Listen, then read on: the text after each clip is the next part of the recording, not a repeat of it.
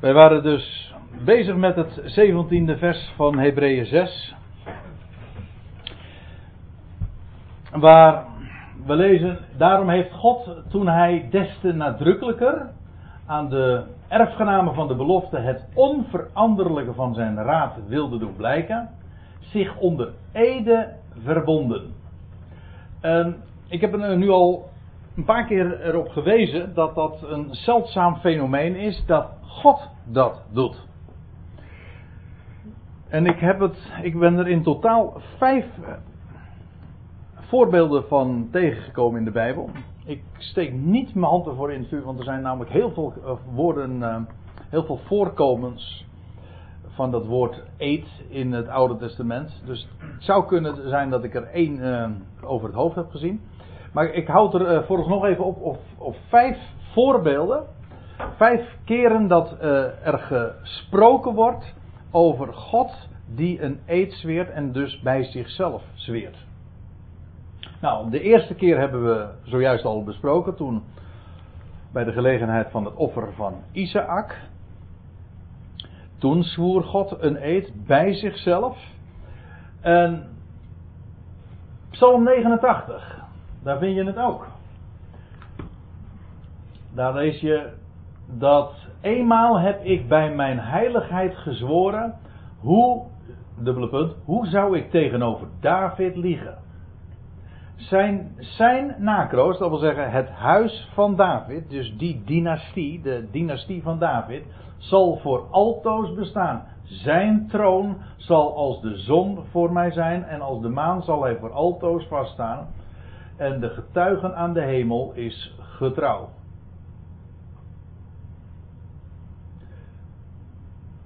Nou, hier dus een, een eedswering waarmee God zich verbindt aan het huis van David.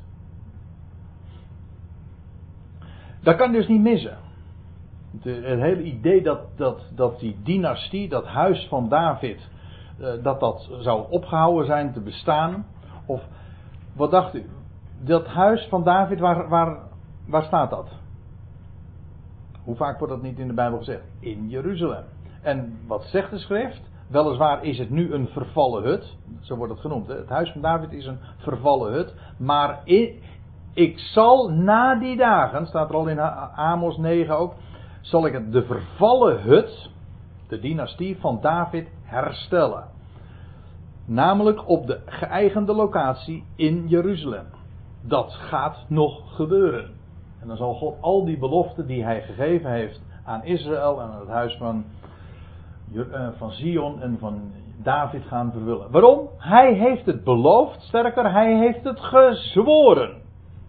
Het hele idee zoals we dat in de christenheid hebben uh, te horen gekregen van de beloften van Israël zijn overgegaan op de kerk. En dat huis van David, dat moet je figuurlijk zien. En dat die regering van David, de troon van David, dat is de troon in de hemel. Nou, dat kunnen we wel vergeten. De troon van David, die staat op één locatie en dat is in Jeruzalem. En daar zal God zijn, uh, zijn belofte ook vervullen. Goed, dat was uh, Psalm 89. Uh, eh, Psalm 95, dat is, dat is boeiend. Want van de vijf keer, daar hou ik het nu even op. Van de vijf keer dat we eedsweringen in de Bijbel tegenkomen, worden er drie in de Hebreeënbrief behandeld. Deze hebben we al in Hebreeën 3 en 4 ook besproken. Eh, 40 jaar heb ik mij geërgerd, staat er dan in Psalm 95, aan dat geslacht, aan die generatie. Ik zei, dat is een volk dwalende van hart en ze kennen mijn wegen niet. Daarom heb ik gezworen in mijn toren, tot mijn rustplaats zullen zij niet komen. Dat is inderdaad ook gebeurd. Die hele generatie is omgekomen in de woestijn. U weet trouwens ook hoe het gebeurd is, hè? Dat was ongeloof in wat God had beloofd. Je krenkt er nergens meer mee dan dat je zou twijfelen aan zijn woord.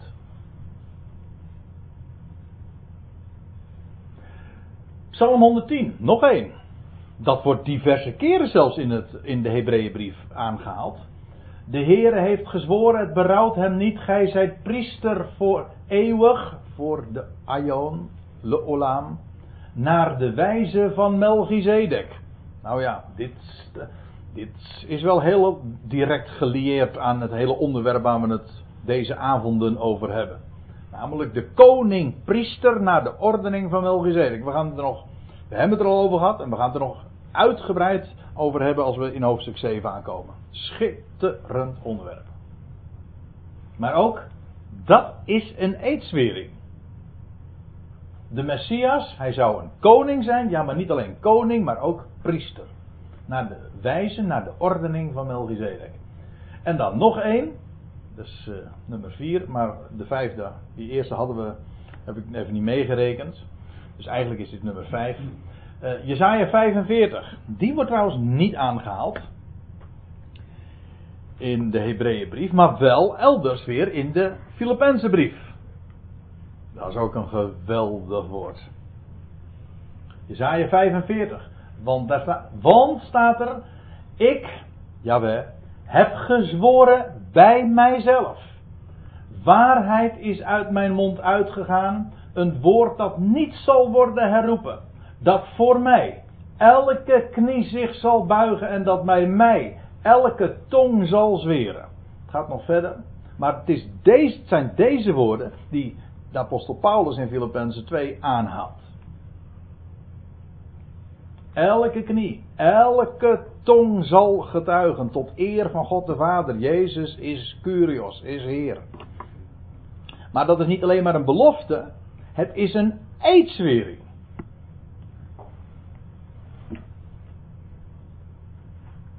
Zou je daar ooit aan kunnen twijfelen?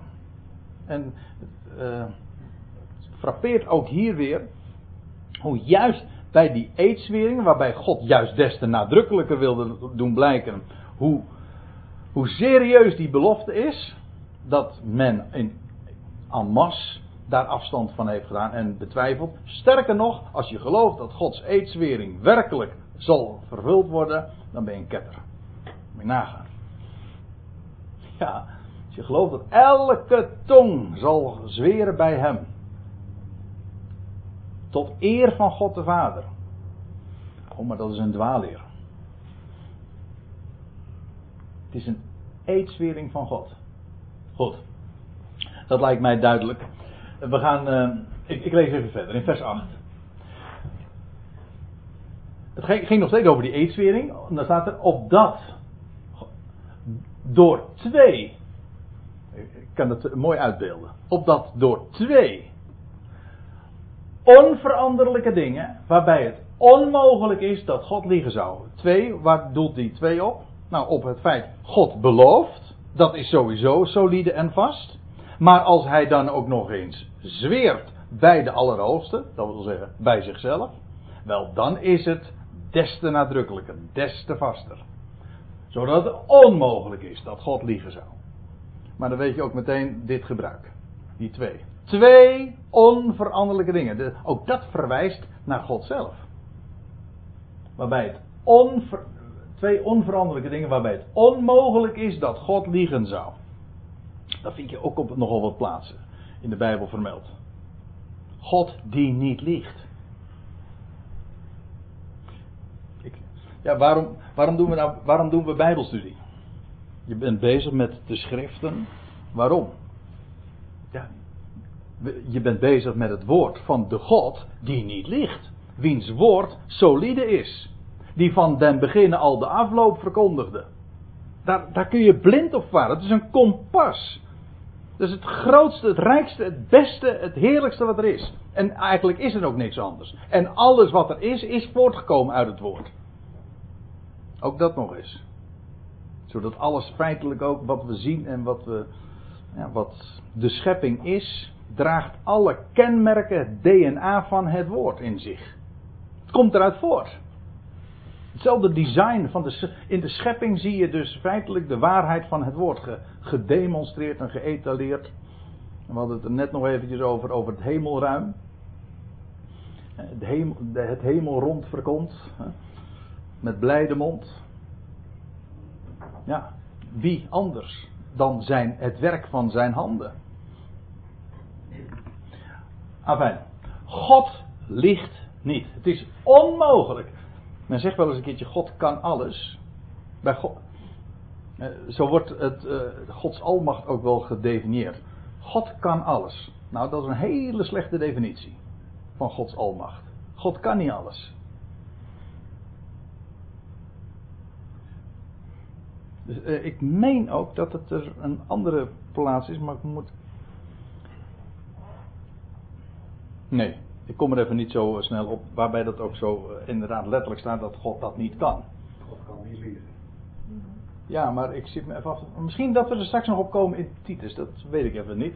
Maar in ieder geval, God kan inderdaad niet liegen. Dus God kan niet alles. Gods almacht betekent niet dat God alles kan. Gods almacht wil zeggen dat Hij alles vermag wat Hij wil.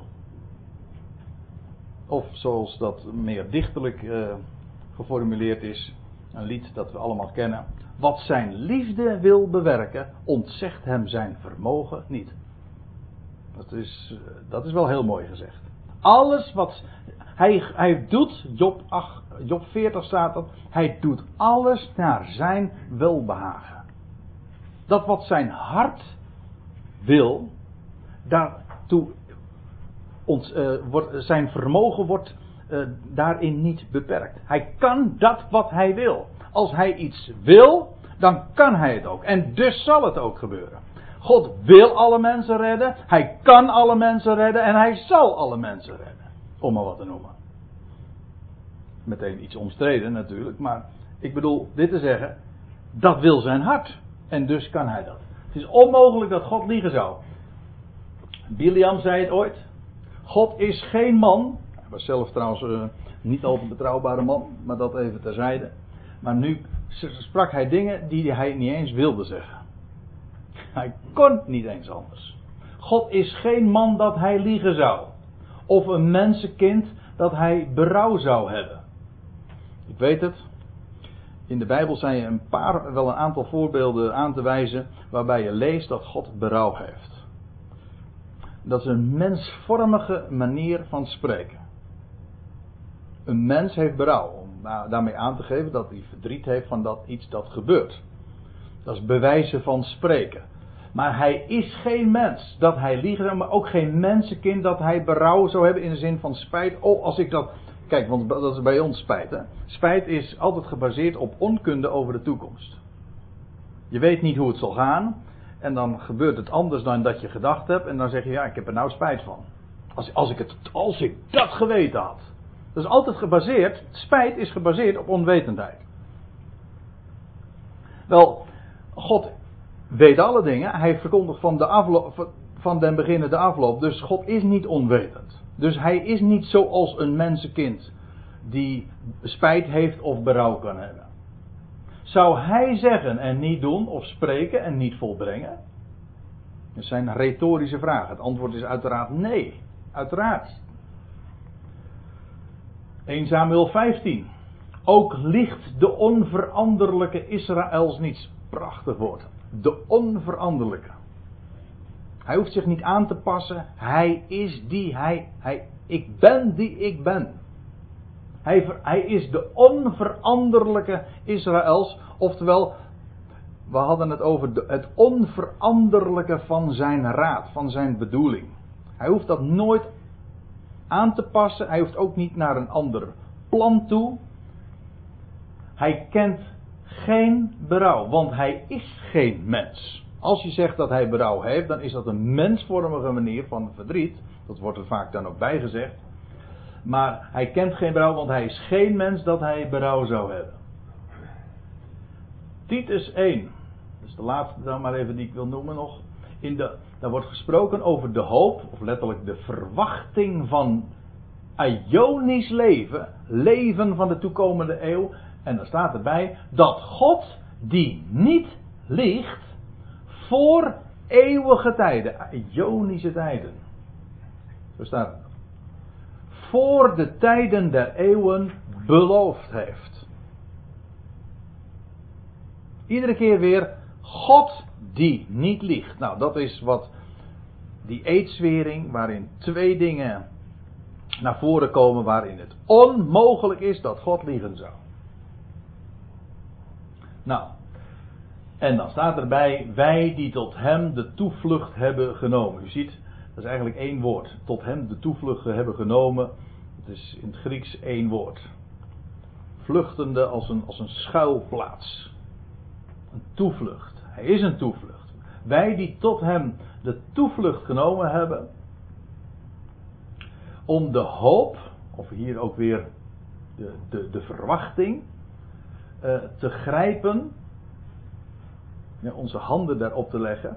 Ehm, de hoop te grijpen, de verwachting grijpen die, die voor ons ligt. Verwachting heeft uiteraard altijd te maken met de toekomst.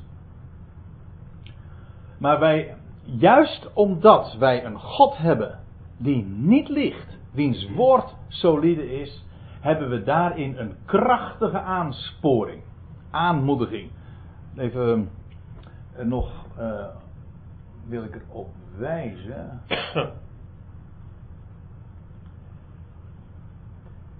uh, hey. Moment hoor. Ja, oh hier hebben we dat woord. Ik, uh, dat woordje aansporing. Wat hier wordt weergegeven, dus in het Nederlands met aansporing. Dat is dat woord parakaleo. Dat, uh, elders in de Bijbel wordt weergegeven met, soms met troost, vertroosting, of ook wel met vermaning. En dat is het allemaal niet. Dit is een prachtig woord. Een aansporing, een aanmoediging. Wel, wat is er aanmoedigender dan de wetenschap dat God niet liegt? het is onmogelijk zelfs dat God liegt. En, en dat is juist die aansporing uh, om de toevlucht tot Hem te nemen en de hoop te grijpen die voor ons ligt. En dan vervolgens haar, en dan gaat het over die hoop, dat wil zeggen de verwachting. Haar hebben wij als een anker van de ziel, dat veilig en vast is. De ziel heeft juist heel vaak te maken met dat wat, wat bewegelijk is. Hè? Maar wat is er geweldig? Als je ziel, de ziel, dus eigenlijk zijn wij een ziel, een anker heeft. En wat is dat anker? Wel, dat anker dat is die verwachting. En een anker, dat wordt uitgeworpen, uiteraard niet in het ruim zelf. Dat doen veel mensen. Die denken, uh, die gooien het anker uit in, in hun eigen leven, in hun eigen hart of in eigen gevoel. Wat dacht je daarvan? Ik voel nu wel dat, dat het goed zit met mij. En dan wordt dat gebaseerd op je ervaring, omdat je, op je prestaties, hè, of op je gevoelens, eventueel op wat je weet. Maar dat is natuurlijk, in wezen gooi je dan iedere keer het anker uit in het eigen, in het eigen ruim. Dat is niet waar een anker voor bedoeld is. Buiten dat anker dat wij hebben, dat is juist een anker dat veilig, secure, zeker is en ook vast. Letterlijk staat daar het, een woord dat betekent bevestigd. Het is niet alleen vast, maar het is ook bevestigd. Nog meer vastgesteld. Dat is de verwachting. Nou, we hebben nou vanavond toch heel wat uh, aanknopingspunten gezien, waarbij we iedere keer dat waarin we iedere keer weer tegenkomen dat Gods woord en dat wat hij spreekt over de toekomst, zijn belofte, zo solide is. En vandaar dat prachtige symbool van een anker. Moet eraan denken trouwens dat het uh, Hebreeuwse woord voor hoop, dat is, dat kennen we. Misschien als ik het zeg, dan zeg ik, ah, is dat het? Dat is tikva. Het Hebreeuwse volkslied dat heet Ha Tikva. En, uh, maar tikva, dat is een heel, heel mooi woord. Dat, dat komen, we, komen we dus ook heel vaak tegen in, het, uh, in de Hebreeuwse Bijbel. Uh, tikva. Maar dat woord is afgeleid van een woord voor touw. Dit. Touw. Waar je je dus inderdaad aan kunt optrekken. Dat is wat, wat, dat is wat het Hebreeuwse woord hoop, of verwachting, tikva, betekent. Iets waar je wat vastheid geeft en waaraan je kunt optrekken. En dat, dat anker ligt eigenlijk helemaal in het verlengde daarvan. Veilig, zeker en vast. Wel, wij hebben een verwachting die veilig en vast is. En daar staat er nog bij. Uh, dat reikt tot binnen het voorhangsel. En nou, nou komt de schrijver langzaam maar zeker op het onderwerp waar hij over gaat uitweiden, namelijk de grote hoge priester die wij hebben. Want die verwachting die wij hebben, dat is een anker, jazeker, maar dat reikt tot in het, ja, tot binnen het voorhangsel of tot in het interieur van het gordijn. En hier zijn we dus uh, typisch in de beeldspraak ook van de tabernakel, van de tempel, nou meer speciaal de tabernakel. Waarbij dat heiligdom, uh, je hebt dat heilige en de, daar is een hoge priester die eenmaal in het jaar het heilige der heiligen inging en dan tot de, tot de troon naderde. Namelijk de ark van het verbond, dat is een troon. Het is allemaal beeldspraak die we al hebben gezien in de Hebreeënbrief. Dat wij naderen tot de troon. Maar dat is die ark. Dat is die ark van het verbond. En wij hebben een, dat is wat in de Hebreeënbrief naar voren gebracht wordt. Een hoge priester die tot binnen het voorhangsel is ingegaan. En hij is daar ontrokken aan het oog. Dat is heel karakteristiek voor de tegenwoordige tijd. Ook dat zal nog in de, in de nakomende hoofdstukken worden uitgelegd door, door de schrijver. Alles wat we vandaag kennen en de zegeningen die ons deel zijn, is onzienlijk. Het is gebaseerd op wat God gesproken heeft, maar er is niks van te zien. En de koning-priester die wij kennen, die is achter het voorhangsel ontrokken aan het oog.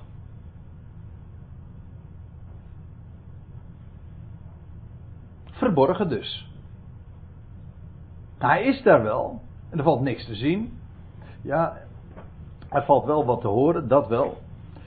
Die hoge priester valt te beluisteren met de belletjes aan zijn, uh, aan zijn gewaad. Dat is weer een onderwerp apart. Maar te zien niet. Hij, valt, uh, hij laat wel van zich horen, zijn woord. Maar te zien is hij niet. Er valt niets te zien. Alles wat we vandaag kennen, dat is woord. Anders niet. Er valt niets te zien. Ja, in de schepping zelf. Maar dan moet je ook wel eerst het woord kennen voordat je het herkent. Maar ik bedoel dit te zeggen. De hoogpriester, waar het allemaal om gaat, wel hij is uh, die hoop. Hij is de belichaming van die hoop en hij reikt tot binnen het voorhangsel. En staat er nog bij, waarheen Jezus voor ons als voorloper is binnengegaan. Nou, dit is dus al typisch taalgebruik van, van de priester, de koningpriester die in het hemels heiligdom is. Beeld van spraak van de grote verzoendag, onttrokken aan het oog, maar daar is hij. Jezus. Hij die hier op aarde de verneder is, is nu daar binnen het voorhangsel. Hij is de voorloper. In de Septuagint is het woord wat hier gebruikt wordt, in het Grieks, uh, wordt het ook weergegeven met, uh, gaat het over de eerstelingen. Hij is een eersteling. Ook taalgebruik van bijvoorbeeld de 1, 1 Korinthe 15. Christus. Zoals in Adam alle sterven, zo zullen in Christus alle levend gemaakt worden. Maar ieder in zijn eigen rangorde, Christus als eersteling. Wel, hij is de eersteling. Hij is daar al. De hoop ligt vast. Hij is daar en hij is de voorloper. Hij is binnengegaan en er staat nog bij. Naar de ordening van Melchizedek is hij hoge priester geworden, of wordend, in eeuwigheid, of letterlijk tot in de Aion. Ja, de Aion. Dat hoge priesterschap van Melchizedek, daar gaan we het nog uitgebreid zoals gezegd over hebben dat heeft alles te maken met de heerlijkheid van die toekomende aion. Waarin het volk Israël centraal zal staan, waar de volkeren omheen uh, gegroepeerd zijn en waarbij Israël het zegenkanaal zal zijn. Maar dan zal ook Melchizedek inmiddels uit het heiligdom gekomen zijn. Dat is, dat, dat, is uh, de beeldspraak en zo, zo, zo mooi. Als je eraan denkt, de hoge priester is nu in het heiligdom.